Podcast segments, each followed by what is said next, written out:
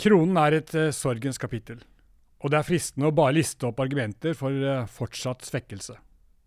Et tiår med svakere kronekurs forklares godt av høyere inflasjon enn i resten av Europa. Men det siste året er kronen i tur og orden rammet av risikoavasjon, høyere renteforventninger på kontinentet og en betydelig ubalanse mellom olje- og ikke minst gasspriser og Norges Banks kronesalg slash valutakjøp for å plassere inntektene i utlandet.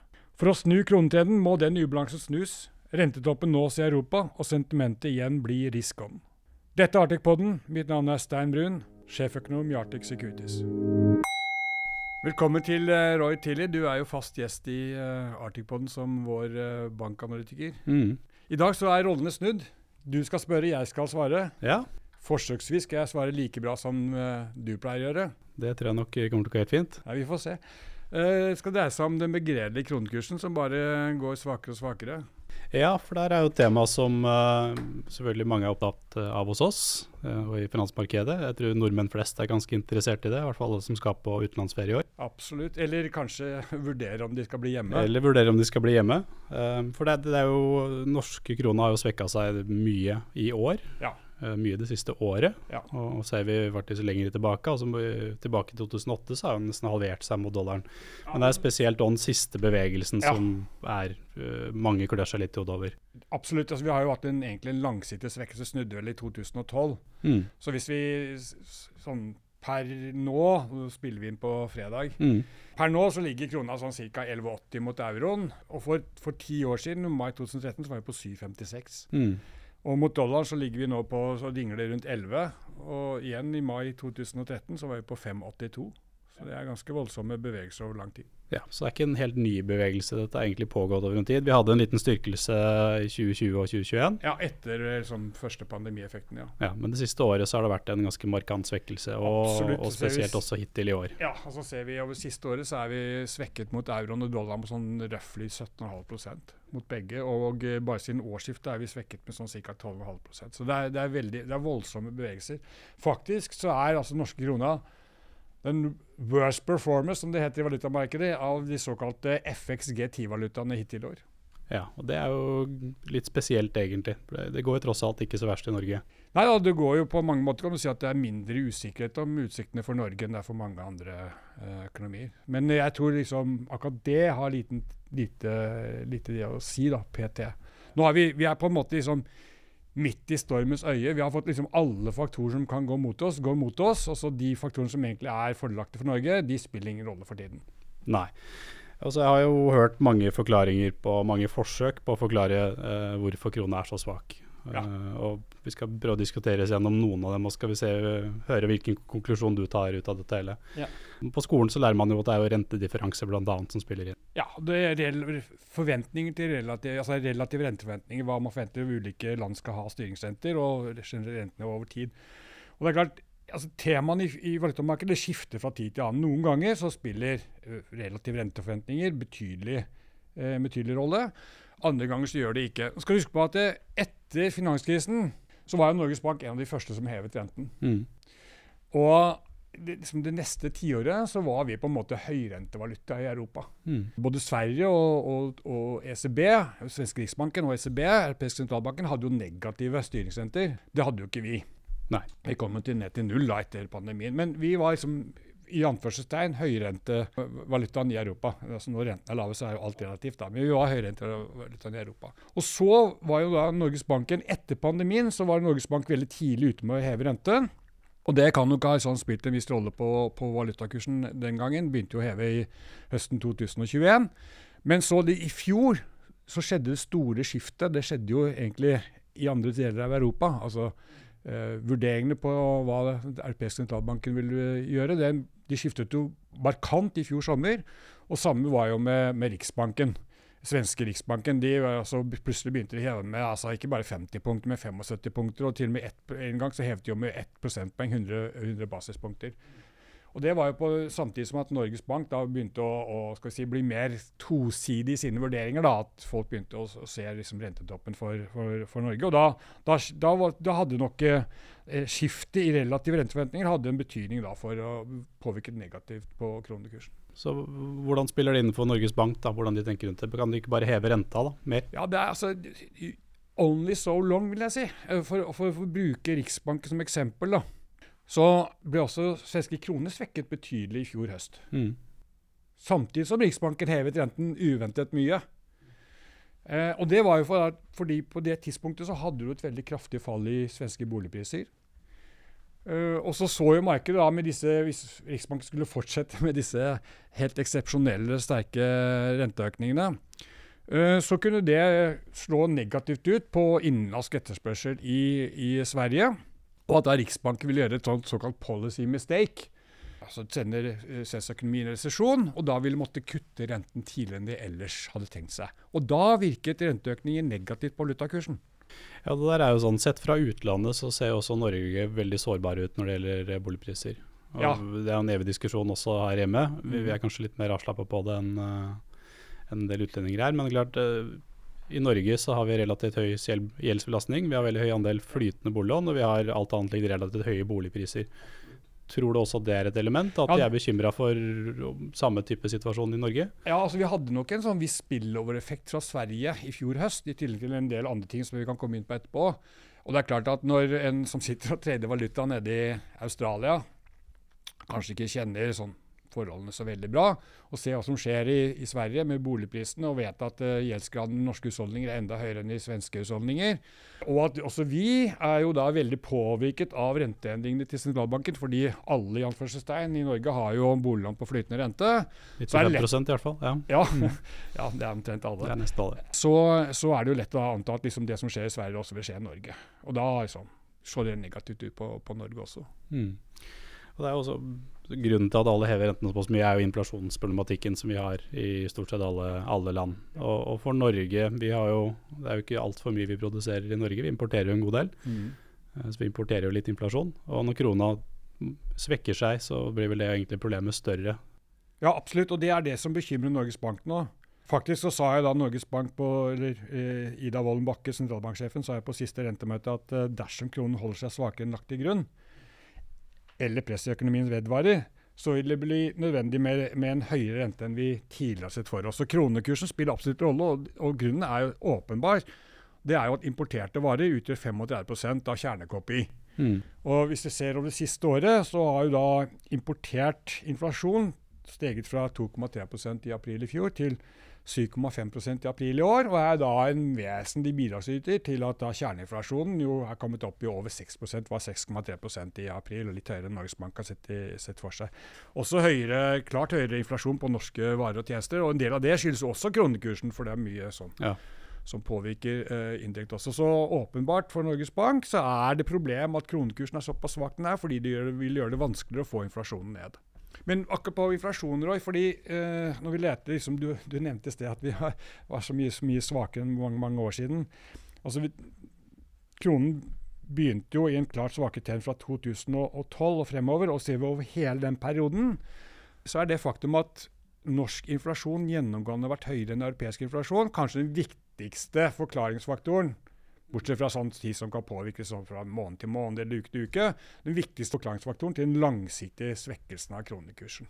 Ja. Det har skjedd altså Fordi vi har hatt en høyere inflasjon, så har det skjedd en, en justering av realvalutakursen. Og det er jo som sagt, det er mange forklaringer jeg har hørt der ute. og En som ofte går igjen når de snakker om krona, er jo at den norske krona er en råvarevaluta. Ja. Oljepriser, gasspriser Ja. spiller veldig inn. Absolutt. Den lange trenden der eh, er, jo, er det jo en tett eh, link. Ja. Men ser vi hittil i år for eksempel, mot andre råvarevalutaer som f.eks.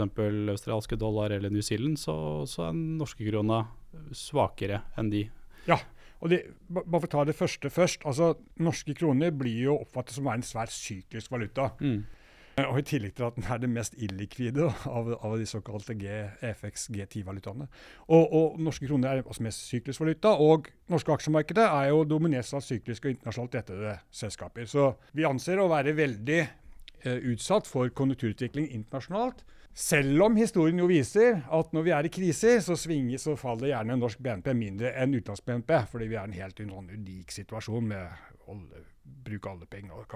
Altså, under, under pandemien, hvor alle måtte låne penger for oss å holde hjulene i gang, så brukte vi litt mer av sparepengene våre, men vi har fortsatt mye penger på bok. Men vi er syklisk valuta, og derfor så svinger vi mer når det er usikkerhet om den økonomiske utviklingen, om konjunkturutviklingen internasjonalt. Mm. Og hvis vi har også da, for det er ekstraordinært store svingninger, for dette fordi at norske valutamarkeder er veldig lite likvid, Mm. så får vi slike store bevegelser. Ja, så det er et visst element av risk off, da, egentlig. Ja, og vi følger, altså, du kan tenke som så at uh, aksjemarkedet er på en måte en risikoparameter.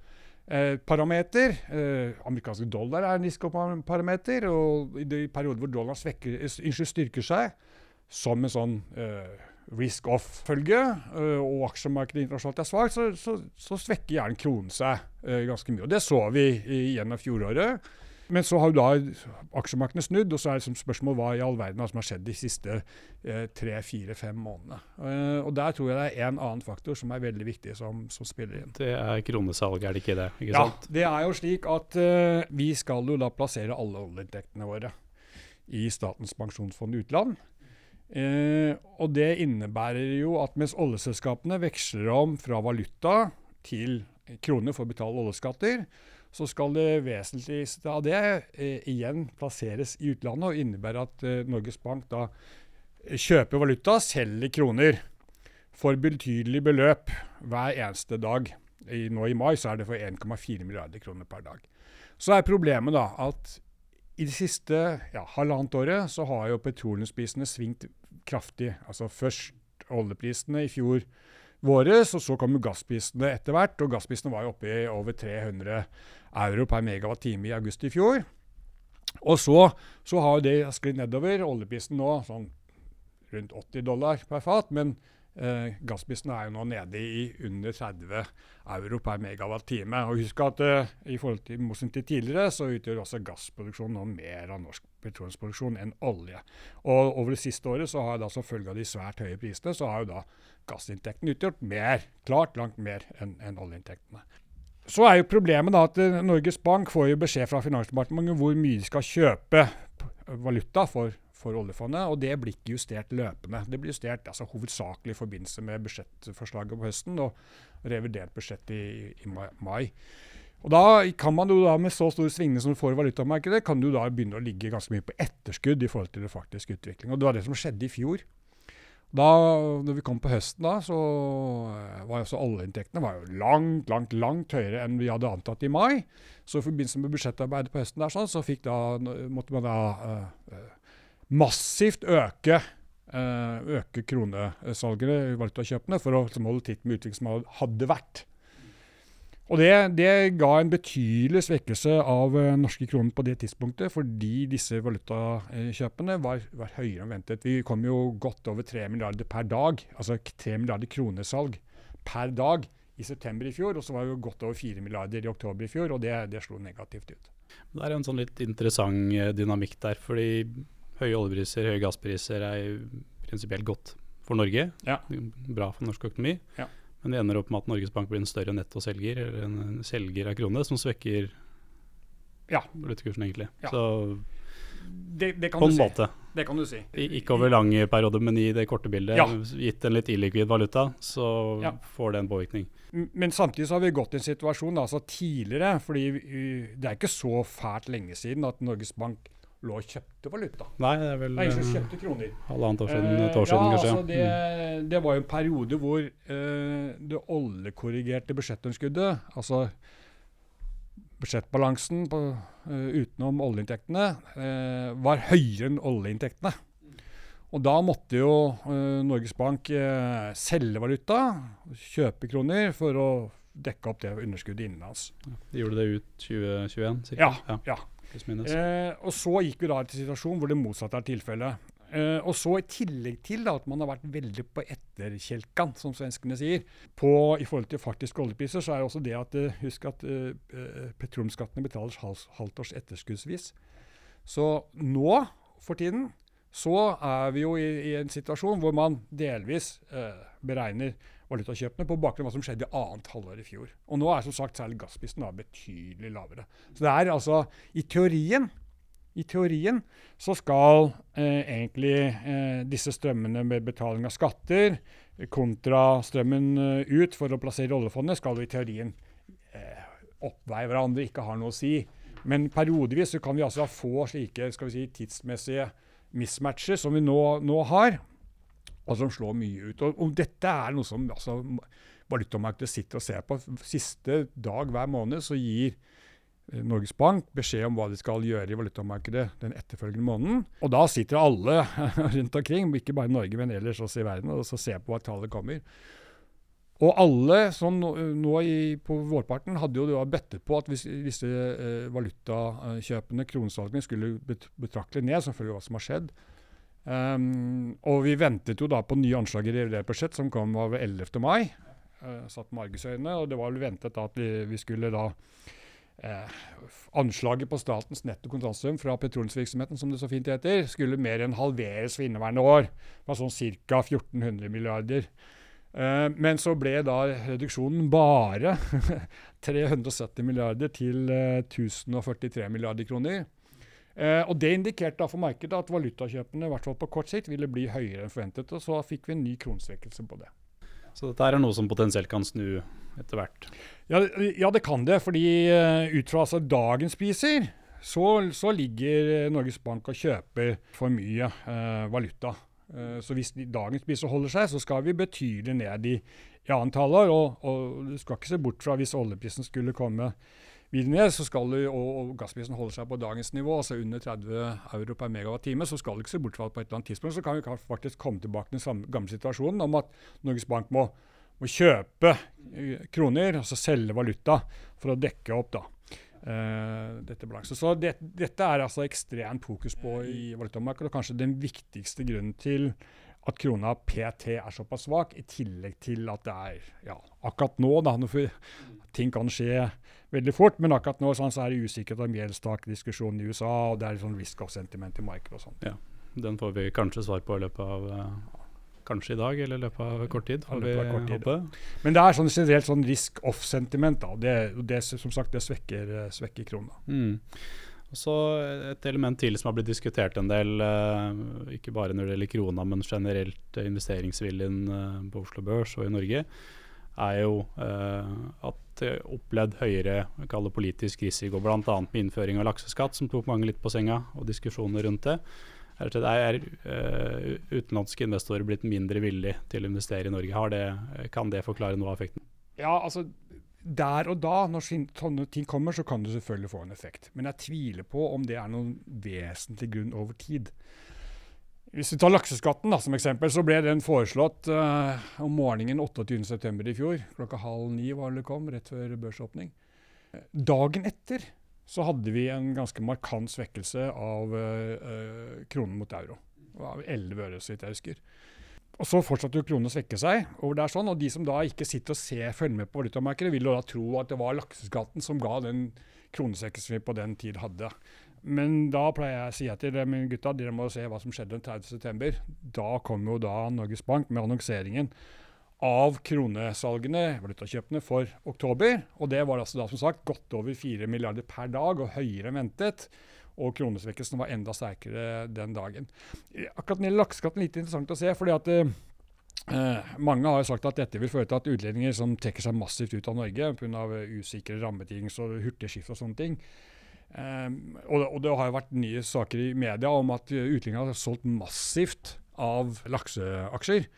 Jeg tok bare en titt på, på de tre største, Lerøy, eh, Movi og, og, SalMar, og så litt på egen utlendingers eierandel, hva de var nå, eh, og da før denne siste eh, enheten Stortinget kom, eh, i forhold til tidligere. Og, og, hvis vi snakker altså i prosent av markedsverdien, så er vi liksom nede et par prosentpoeng i forhold til i fjor sommer, så det har ikke vært noe, sånn sett noe massivt salg. da.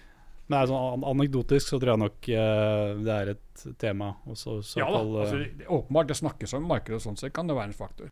Lakseskatten blir også sett på et, som en eh, indikasjon på usikre rammebetingelser, ja.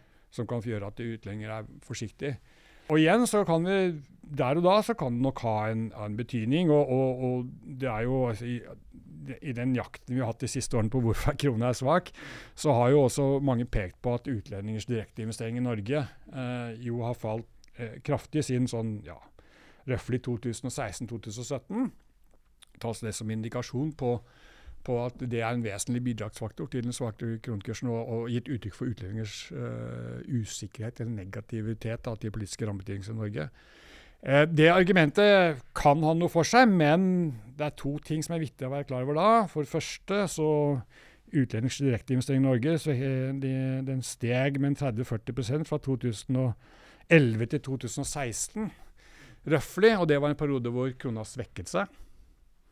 Eh, det er det ene. Og det andre er at en del av det eh, nedgangen vi har hatt da de siste fem årene, er, skyldes jo uh, oljeselskaper som type Exxon solgte seg jo helt ut av Nordsjøen. Ikke fordi de var misfornøyd med rammebetingelsene, men fordi de så på Nordsjøen som et sånt modent, eller kanskje overmodent område, hvor det ikke var mulig å tjene så mye penger fremover. Um, og så er det også det, da, i, i, husk på at det norske politiske systemet jo er stabilt, hvis du ser det i forhold til ja. Frankrike, Italia, Tyskland. Ikke sant? Så vi har en stabilitet der i bånn som man ikke skal uh, kimse av. Og så er det også det at vi, helt, vi, er jo en helt unik finanspolitisk situasjon, som jeg var inne på før, som gjør at vi da i krisetider faktisk har, har mye større spillerom enn det de aller, aller fleste har, til å motvirke da en uh, nedtur i økonomien. Mm. Da har vi vært igjen ganske mange mulige forklaringer. Mm. Uh, så hvis vi prøver å oppsummere litt, da, hva, hva tenker du er hoved, hovedårsakene til den svake krona, og oppfølgingen av det? Ja. Hva blir veien videre her nå? Altså jeg vil si at det er eh, usikkerhet om konjunkturene, risk of sentiment, så vi må få en eller annen skifte her sånn. Mm. Alle, alle i anførstegn venter jo resesjon i USA i annet halvår. Så sentimentet må, må, snu. Det er det ene. Det andre er at vi må nok se en topp i nær fremtid når det gjelder eh, renteøkning fra andre europeiske sentralbanker. Mm. Nå fikk jo denne uken overraskende høye inflasjonstall fra Storbritannia. Kom ned, men ikke så mye som ventet. Kjerneinflasjon fortsatt altfor høy. Og Det førte jo til at markedet da hevet forventningene sine til hvor mye Bank of England Ganske markant, ja. Ganske markant, ja. Vil heve renten ytterligere. Det, så vi må ha en peak i renteforventningene internasjonalt. For jeg tror som sagt at, at, Norges Bank kommer til å øke rentene et par ganger til med 25 punkter. Men jeg tror liksom muligheten til å, å komme overraskelser som er, har varig virkning på kronen når det gjelder renteøkninger, den, den muligheten er, er, gone. Så vi må ha det. Og så må så det er liksom internasjonale faktorer som betyr vel så mye som innenlandske. Og så må vi få da en skal vi si, eh, mer, bedre match mellom hva som kommer av eh, innbetalinger på oljeskatter i forhold til hva Norges Bank ligger og kjøper av valuta, altså selger kroner.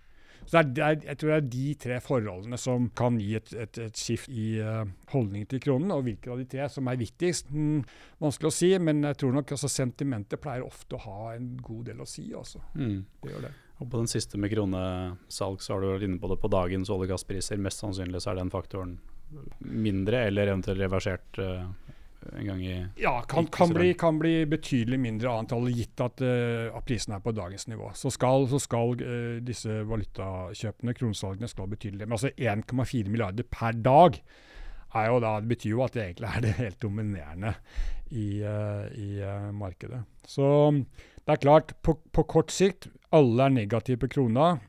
De fleste av de utenlandske valutaanalytikere som jeg leser, de, de, er jo enige om at krona fundamentalt er undervurdert. Ja. Det, det, gjelder for så vidt også svenske kroner. da. Men de vet at uh, skandinavisk valuta er høybe, såkalt høybetevaluta, svinger mer uh, når sentimentet skifter enn en, en andre land. Så ingen tør å ta liksom, i, i Scandis før det skjer noe, noe, noe skift i sentimentet. Uh, mer sånn fundamentale årsaker vil jeg jo si. da, Det er jo sånn typisk dette med valutakjøpene. Så for en enkel aksjeanalytiker så er uh, aksjen er billig, men mangler triggere på kort sikt? Ja, vi mangler, vi mangler, noen triggere. Alle er enige om at, uh, om at krona er undervurdert. Men det skal også sies at over de siste årene så har jo blitt skuffet altså, over krona. Jeg husker tilbake til 2016-2017. Da hadde vi en ganske klar kronestyrkelse. Og vi, liksom, vi var liksom i ferd med å bryte ut av den oppadgående trendkanalen som vi snakka med valutamarkedet fra 2012. Og da, da, gikk vel alle sånn uh, hardt inn i kroner sånn uh, tidlig i 2017. Det var vel en eller annen gang i februar 2017 at den bunna ut, jeg tror det var på 870-875 ish der sånn, mot uh, euroen. Og så fikk vi altså hendelser som gjorde at nei, det, det den bevegelsen fortsatte ikke. Så, så mange er blitt, er blitt tatt med buksene nede da, Mm. på krona de siste årene og trodd på en styrkelse som da ikke har kommet. Det samme så vi da, som du snakket om i, i sted. ikke sant? 20, eh, 2020, 2021. Og så får vi da ikke sant, eh, Russland-invasjonen. Vi får jo da ikke minst det kraftige fallet i aksjemarkedet gjennom store deler av 2022, som da påvirker krona negativt. Og så ble ikke den bevegelsen heller. Så nå er vi altså på, på i såkalt uncharted territory. Da. Det er fordi at valutamarkedet sitter og ser på tekniske chart hele tiden. og vi er så vi er godt inne i den der langsiktige trendkanalen, eh, oppadgående trendkanal, eller svekkelsen, da, eh, fortsatt. Så um, vi, ja, fundamentalt undervurdert, men tross savner en, eh, en trigger. Og når den kommer, så blir det forhåpentligvis billigere utenlandsferie neste år. Ja, altså nå i år så blir det dyrt å ta utenlandsferie, men jeg skal bare minne om at vi måtte jo være feriere i Norge da, i 2020, så vi kan jo ta den en gang til. Mm. Det tror jeg vi klarer. Så jeg, jeg tror jo på, som de aller fleste gjør, altså ja, det kan godt være at sentimentendringer, denne usikkerheten får vi en resesjon i USA neste sånn, to-tre-fire måneder, kan, kan gi altså, enda svakere krone. Men, men altså nå, da, med en eh, euro-nokki, som vi sier i valutamarkedet, på, på 11,80 og en dollarkurs på 11, så skal vi huske på at eh, hvis vi går tilbake til første uka i januar, så, var, eh, så betalte vi 10,66 i snitt første uka av januar for en euro. Og vi betalte 10,06 i snitt for en amerikansk dollar. Så det, det, er, det er ganske store bevegelser vi har har hatt på kort sikt. Det har det absolutt. Og når du da kommer på rundt eh, 12 mot euroen og, og over 11 på dollaren, dollar, så blir det høres ut som du er sånn helt vill hvis du sier 10-tallet foran. eh, men altså, det er ikke mer enn eh, det er ikke mer enn eh, fire-fem måneder siden. Nei. Så vi sier avslutningsvis, da. Ett år frem. Beste gjetning, hvor står vi da mot eh, dollar euro? Nei, ett år fem så vil jeg si at vi, vi er nok nede på 10,5 mot, uh, mot euroen. Og så er vi, vi er under 10 på, mot uh, dollaren. Nå skal jeg ha en disclaimer, da, for at jeg tenderer til å være sånn structural bull på norske kroner. Disclaimer må vi alltid ha i meglerhus. Sånn det. Det må vi. Ja, men tusen takk, Stein. Bare hyggelig, Roy. This podcast has been prepared by Arctic for information purposes only. The information, opinions, and recommendations presented in this podcast are for general information only, and any reliance on the information provided in this podcast is done at your own risk. This podcast should not be considered professional advice. The information provided in this podcast is not intended to constitute investment advice, nor is the information intended as an offer or solicitation for the purchase or sale of any financial instrument. Relevant and specific professional advice should always be obtained before making any investment or credit decision. It is important to note that past performance is not indicative of future results. This podcast does not fulfill the criteria for preparing investment research and must be seen as marketing material. All information submitted during this podcast is obtained from public sources that Arctic believes to be reliable, but which Arctic has not independently verified. Arctic makes no guarantee, representation, or warranty as to its accuracy or completeness. No liability whatsoever is accepted for any direct or indirect, including consequential, loss or expense arising from the use of information from this podcast.